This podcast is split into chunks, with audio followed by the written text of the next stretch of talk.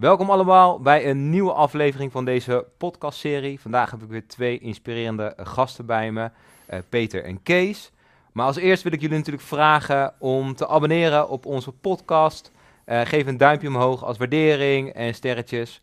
Als je een idee hebt of een suggestie, laat het vooral achter in de comments. Um, heren, welkom bij deze podcast. Uh, ik ben heel erg blij dat jullie er zijn. En ik wil graag vragen of jullie jezelf even willen introduceren. Kees, ik wil graag bij jou beginnen. Ja, ik zal uh, proberen het kort te houden. Uh, ik ben Kees van de Spek, een hele bekende naam, maar uh, ik, ben, ik ben het toch echt. Um, ik ben 66, sinds een jaartje met prepensioen. En um, ik ben afnemer van het product waar we het straks over hebben, van Stichting Tegenkracht. Wat sinds eind 2019 heb ik de ziekte van Kalen. Um, en ik heb dus heel veel baat bij gehad bij, bij de Stichting Tegenkracht. Ik heb uh, ik werk bij de politie, nu als vrijwilliger. En uh, voor die tijd heb ik diverse functies gehad. Uh, het langst heb ik bij de persoonsbeveiliging gewerkt. Met name bij de beveiliging van de leden van Koninklijk Huis. Heb ik 19 jaar lang gewerkt. En het laatste stukje heb ik in de eenheid Oost-Nederland gewerkt. Bij de informatieorganisatie. Maar eigenlijk, ja, gaandeweg ging ik me steeds meer moeien met het coachen van mensen. En ook het begeleiden van teams en leidinggevende om het ziekteverzuim omlaag te, te brengen. En hoe uh, mooi is dat, dat je op een gegeven moment als soort ervaringsdeskundige uh, kan, uh, ja, ja, helaas, dat je daar dan zelf in, in terechtkomt. Maar nou, ik denk dat dit zo genoeg is als intro. En als je toch vragen hebt, dan geef ik daar antwoord op. En ik ben getrouwd. Ik heb twee dochters inmiddels vier kleinkinderen. En nou, Carpe diem is mijn lijfspreuk. En wat ik net ook gezegd heb van, uh, ik ben Kees en ik heb een ziekte. En dat, uh, dat is voor mij een mindset heel erg belangrijk om het zo uh, te scheiden van, ik ben niet die ziekte. Nee, je blijft Kees. Yes. Ja, dankjewel voor je intro. Alsjeblieft. Peter. Bouwjaar 1950. Um, sinds 2012 voorzitter van Stichting Tegenkracht. Um, en volop bezig eigenlijk uh, twee, drie dagen in de week bezig met uh, de begeleiding van kankerpatiënten om die een uh, zo goed mogelijke herstelmogelijkheid te bieden. Jaren in de omgeving van IT-bedrijven gezeten, gewerkt en op enig moment voor mezelf begonnen op het gebied van communicatiewerk. bij in loondienst bij bedrijven, maar ook zelfstandig als uh, freelancer uh, opdrachten gedaan in alle, allerlei uh, soorten. Heel veel in de agrarische wereld gewerkt bij LTO Nederland.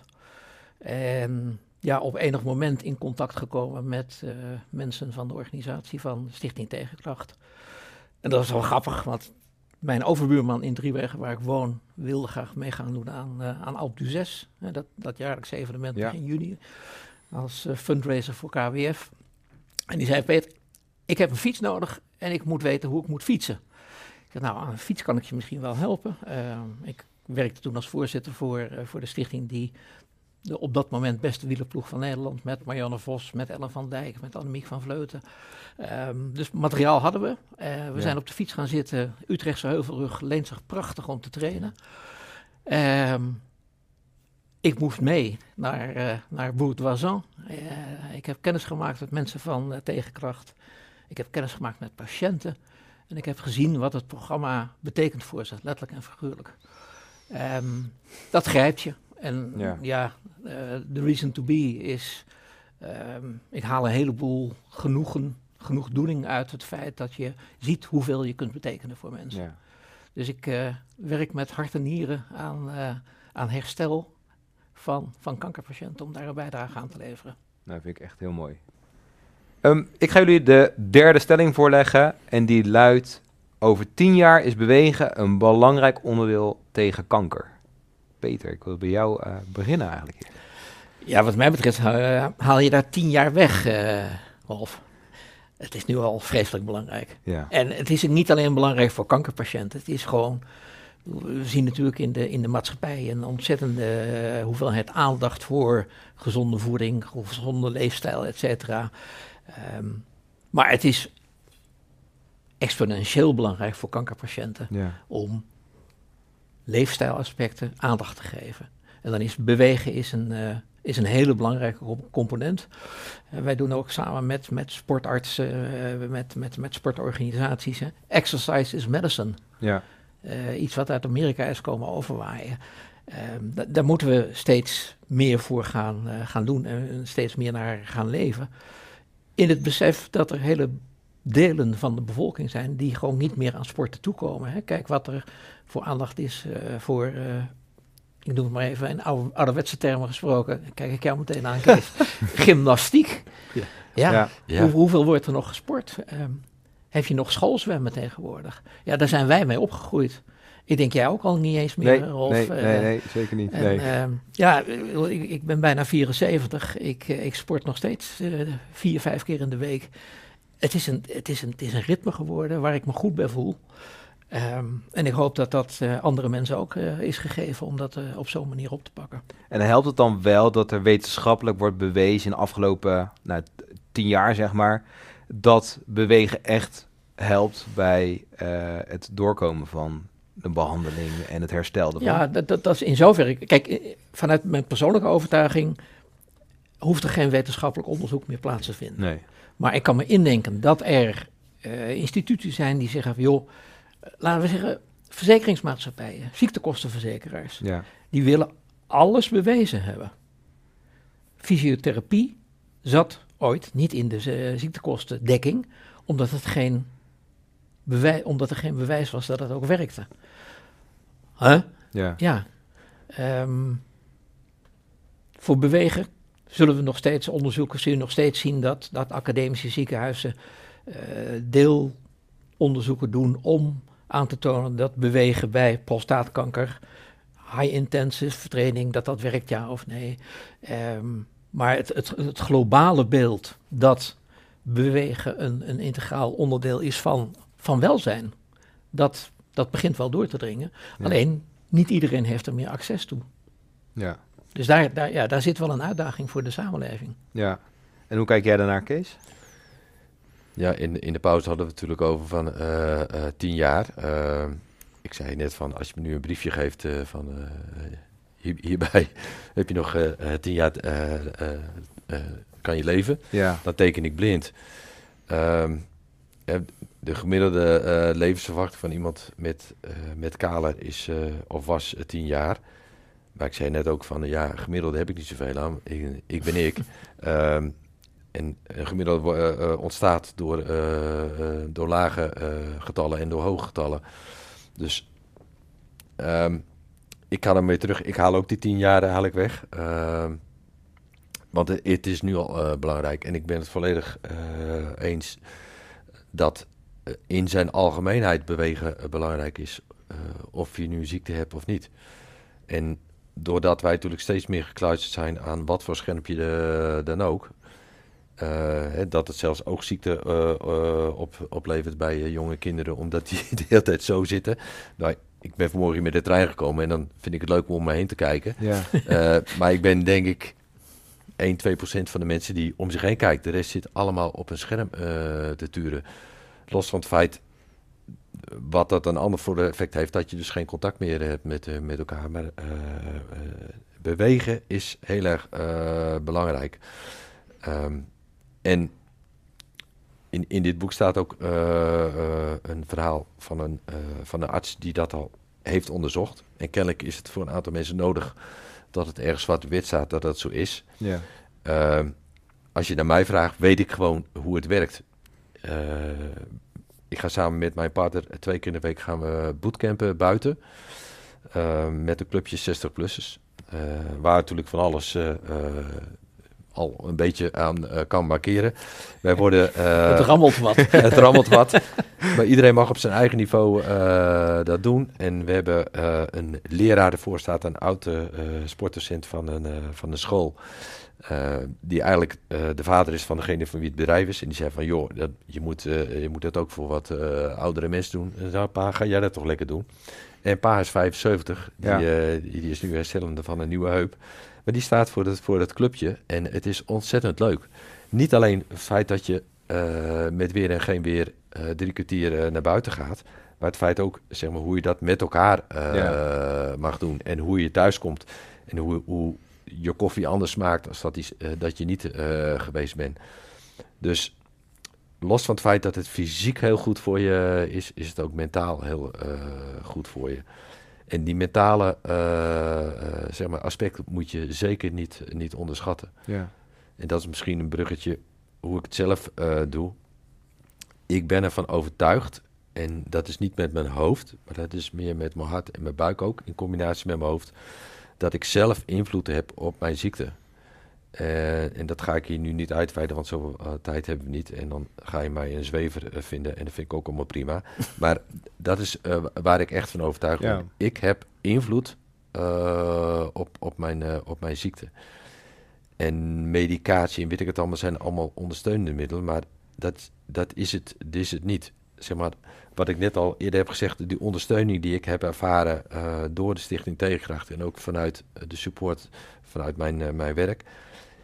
Ik denk dat het een niet onderschatte eh, ondersteuning is geweest eh, om één te dealen eh, met de ziekte. En vervolgens ook op het moment dat je weer een beetje in, de- in de, de, working mood bent, om daar te kunnen blijven. Ja. Dus bewegen is belangrijk. Nogmaals, op, op, op twee vlakken. Eh, het is fantastisch, zeker als je, ik, ik ben nu 66. Ehm, bij, hè, met het clubje doen we ook aan eh, valtechnieken van, eh, en, en van dingen afstappen en zo. Hoeveel ongelukken gebeuren er niet met iets oudere mensen, zeker met die, ik vind het nog steeds een raar fenomeen, al die e-bikes. Ehm, ze gaan veel te hard en, en, en vallen er ondersteboven. Eh, maar goed, eh, dat, is, een- dat is weer een andere, ander verhaal. Maar vooral zelf bewegen. En Dan kan je ook veel makkelijker eh, je grenzen zelf eh, Ja. aangeven. Van hoe hard je wil fietsen en of je wel wil fietsen. Eh, maar nogmaals, bewegen is voor, voor, voor eh, lichaam en geest eh, heel erg belangrijk nu al. En niet over tien jaar. Maar misschien dat het over tien jaar nog belangrijker is. Omdat we steeds minder gaan bewegen. En we- zijn er dingen wel die je anders bent gaan doen qua bewegen of juist andere dingen erbij gaan doen sinds dat je wist dat je een diagnose had?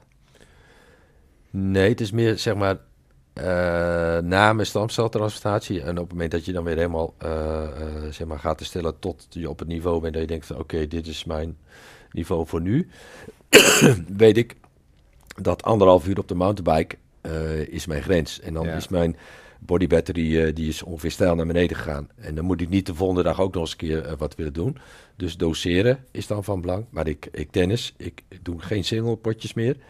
eh, omdat dat te veel energie kost. Hardlopen doe ik met maten. Maar dat, dat eh, bootcampen buiten doe ik. Ik tennis, ik zit op de mountainbike en ik loop wat hard. Maar ik doseer.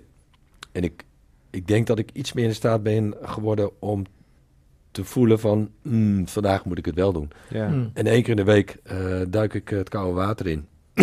en ook dat doseer ik. Op het moment hè, van, de, van de week was het water twee- eh, 2,7 graden. Dan Dat ga, ik, dan ga ik geen 10 minuten erin.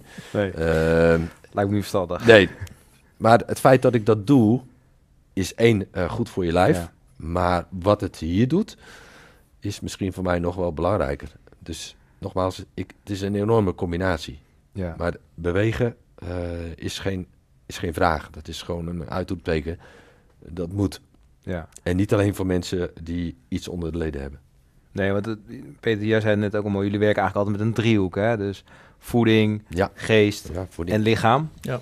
Ehm, eh, hoe stimuleren jullie dat dan? Dat, dat, dat je daarop let? Hoe, ga, hoe, zorgen jullie, hoe, hoe begeleiden jullie deelnemers in die balans?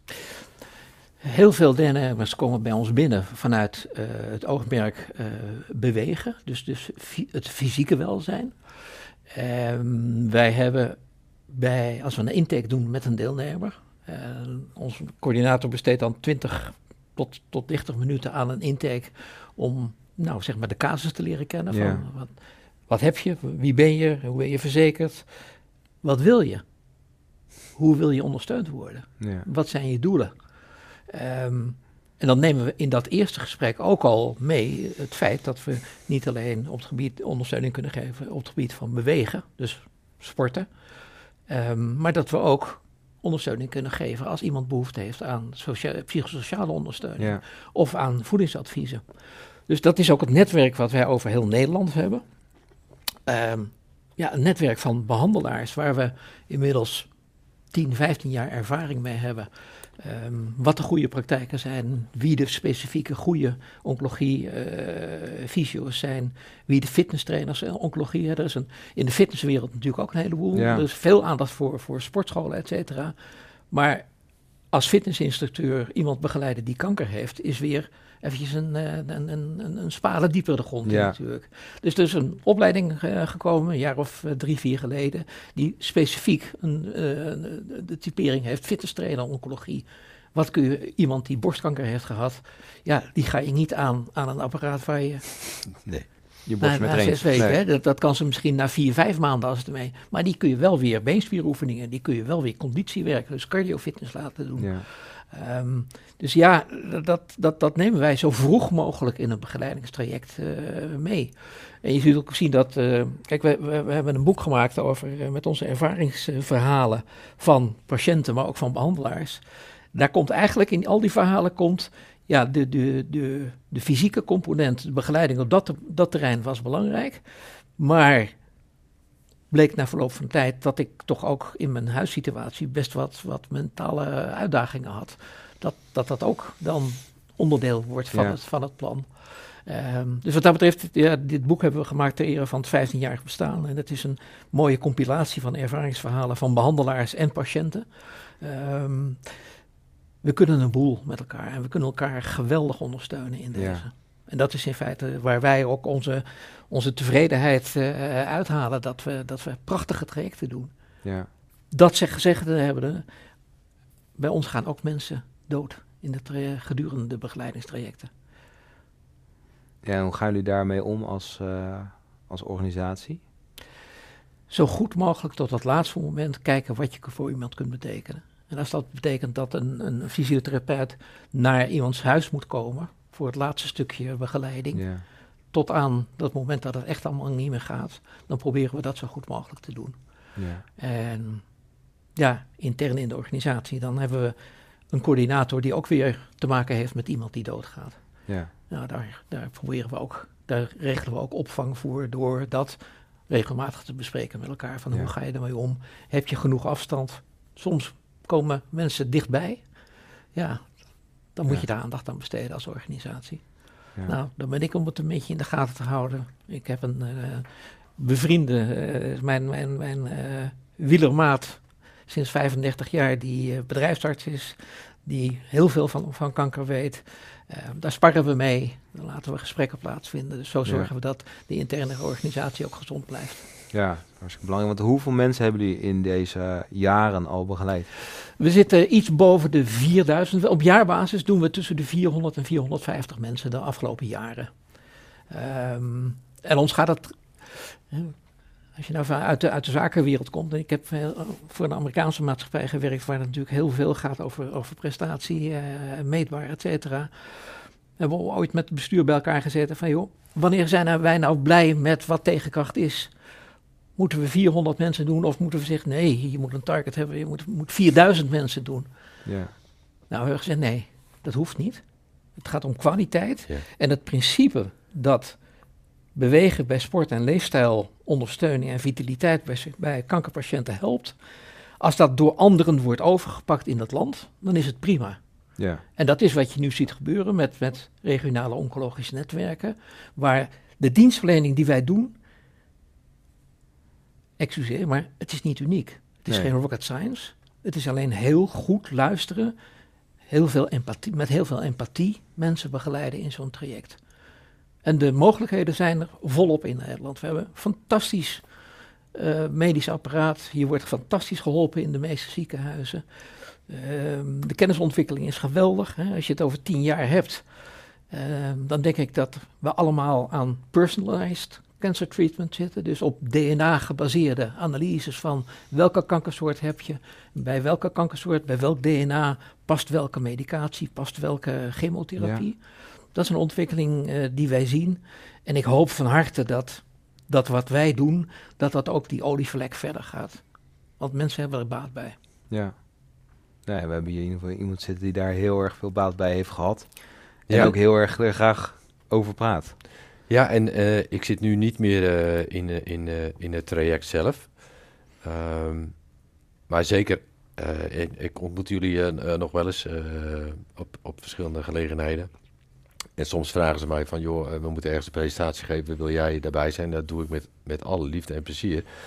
Want ook al heb ik niet meer nu die ge- begeleiding, ik teer nog steeds op de begeleiding die ik toen gehad heb. Ja. Dus, ehm, en het feit wat jij net, net ook zei, van eh, het is laagdrempelig, maar zo voelt het ook. Ehm, en dat kan ik misschien niet eens goed onder woorden brengen, maar het feit, hè, mijn ervaring is dan vooral met mijn eh, persoonlijke begeleider Maatje, eh, die eigenlijk op een hele eenvoudige manier tot de kern gaat komen van hoe zij kan helpen. En je voelt meteen van ehm, dat die helpstand het, het eh, belangrijkste is. En Ja. gidsen. Ehm, zeker in het begin be- word je overvallen door van alles. Ja. En het feit dat iemand zoveel ervaring heeft en ze kan zeggen van oké, volgens mij eh, eh, zou dat dat kunnen helpen. Oh, is dat er ook? Oncologische fysiotherapie? Ja, natuurlijk had ik daar nog nooit van gehoord. Nee. Ook kan een diëtiste ook iets, iets doen voor mij. Oh, nou, ja, laten we dat ook maar doen.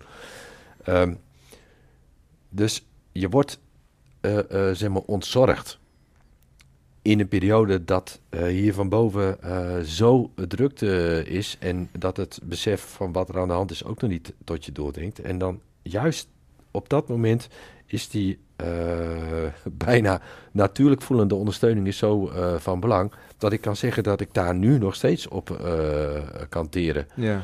Ehm, en daar super dankbaar voor ben van dat ik dat eh, gehad heb. Want het heeft mij, maar ook eh, zeg maar in mijn gezin heel veel eh, steun gebracht. Dus ja, super dankbaar. En dit boek kan ik zeker aanraden. En ik heb geprobeerd om te zorgen dat in ieder geval alle bedrijfsartsen in mijn eenheid dit krijgen. Ik vind dat elke bedrijfsarts bij de politie in Nederland dit boek moet hebben. Ja. En het liefste zou ik nog zien dat elke leidinggevende dat boek heeft. Maar dat is een beetje eh, misschien de polstok iets te ver zetten. Maar eh, we, we hebben nog boeken, Kees. Dus. ja, dat, het, Ambitie mag er zijn. het, het kan, maar als het goed is, heeft elke bedrijfsarts bij ons eh, eh, dit boek nu gekregen. Daar, daar heb ik me eh, wel een beetje hard voor gemaakt. Ik heb daar nog steeds contacten. Dus ook aan de bedrijfsarts met wie ik nog steeds contact heb, eh, ga ik ook even deze podcast eh, linken. Van joh, en jij weet in jouw eh, straatje wel hoe je eh, daar een beetje druk op kan zetten. Ja. Ik heb nog steeds contact met, eh, met zeg maar ook de hogere legerleiding bij de politie. Ook contact gehad met een eenheidschef eh, die geconfronteerd werd met, met kanker, die ook heel veel voor tegengebracht heeft. Dat betekent die is inmiddels moeten stoppen met, met, met werken. Maar het feit dat op alle niveaus, hè, want daar gaat het Ja, ook over. belangrijk eh, natuurlijk. d- ook, eh, ik, ik noem het maar zeggen, de hoogste baas van Nederland, eh, eh, op wat voor bedrijf dan ook, die kan ook hiermee geconfronteerd worden. Dus het zit niet aan de rang of functie vast. Het zit aan de menskant Ja. vast. Maar het is soms belangrijk dat mensen ervaring krijgen in het feit van, oh, dat is er. Omdat ze op, dat die soms aan het wieltje kunnen draaien van, hé, hey, maar dat gaan we in dit, ons bedrijf ook doen. Ja. En jij zei net hoe dat bij PON zeg maar natuurlijk is gegaan. En misschien is het bij de politie ook wel eh, natuurlijk zo gegaan. Van dat, dat er ergens iemand zei van, hey, volgens mij zou dat kunnen Ja. helpen. Ja. Wat, wat hoop jij dat eh, tegenkracht de komende tien jaar zou kunnen bereiken? Wat, wat, wat wil je ze meegeven? Nou, ik zou bijna zeggen, eh, doe wat je, blijf doen wat je nu doet. En, ehm, en goed, daar heb ik genoeg over gespro- gesproken wat dat voor effect heeft. En die effecten, er staan ook een aantal van, eh, van die verhalen hier in het boek. Dus dat hoeft niet uitgelegd te worden. Maar het feit dat misschien de, de, de vijver waar, eh, waarin gevist wordt, klinkt ook misschien een beetje raar, maar dat, dat er meer mensen eh, gebruik mogen maken van eh, de kwaliteiten die er zijn. En dat heeft weer een opbouwend effect, want op het moment dat er meer eh, mensen gebruik van maken, eh, wordt de groep mensen die eh, op verschillende plekken ondersteuning kunnen geven, wordt ook Ja. groter. Maar dat netwerk is al razend groot door heel Nederland heen. Dus nee, ik zou maar zeggen van blijf vooral doen wat je nu doet. Ja. En jullie kracht zit ja, nu juist in het bijna simpele werk. Ja. maar niet eenvoudig. Maar het is wel, het is eigenlijk heel bazaal. En juist op dat moment, zeker in het begin, zo broodnodig dat je even iemand hebt van... Ik weet, eh, ik weet de eh, weg. ik weet de weg Ja. en ik heb wel een tip. En heb je hier aan gedacht en daar aan gedacht? Nou, ik weet zeker dat een heleboel mensen aan een heleboel dingen nog nooit gedacht hebben. Gelukkig maar. Ja. Maar het feit dat die kennis en ervaring er wel is, nou, daar kun je, daar kun je eh, dankbaar gebruik van maken.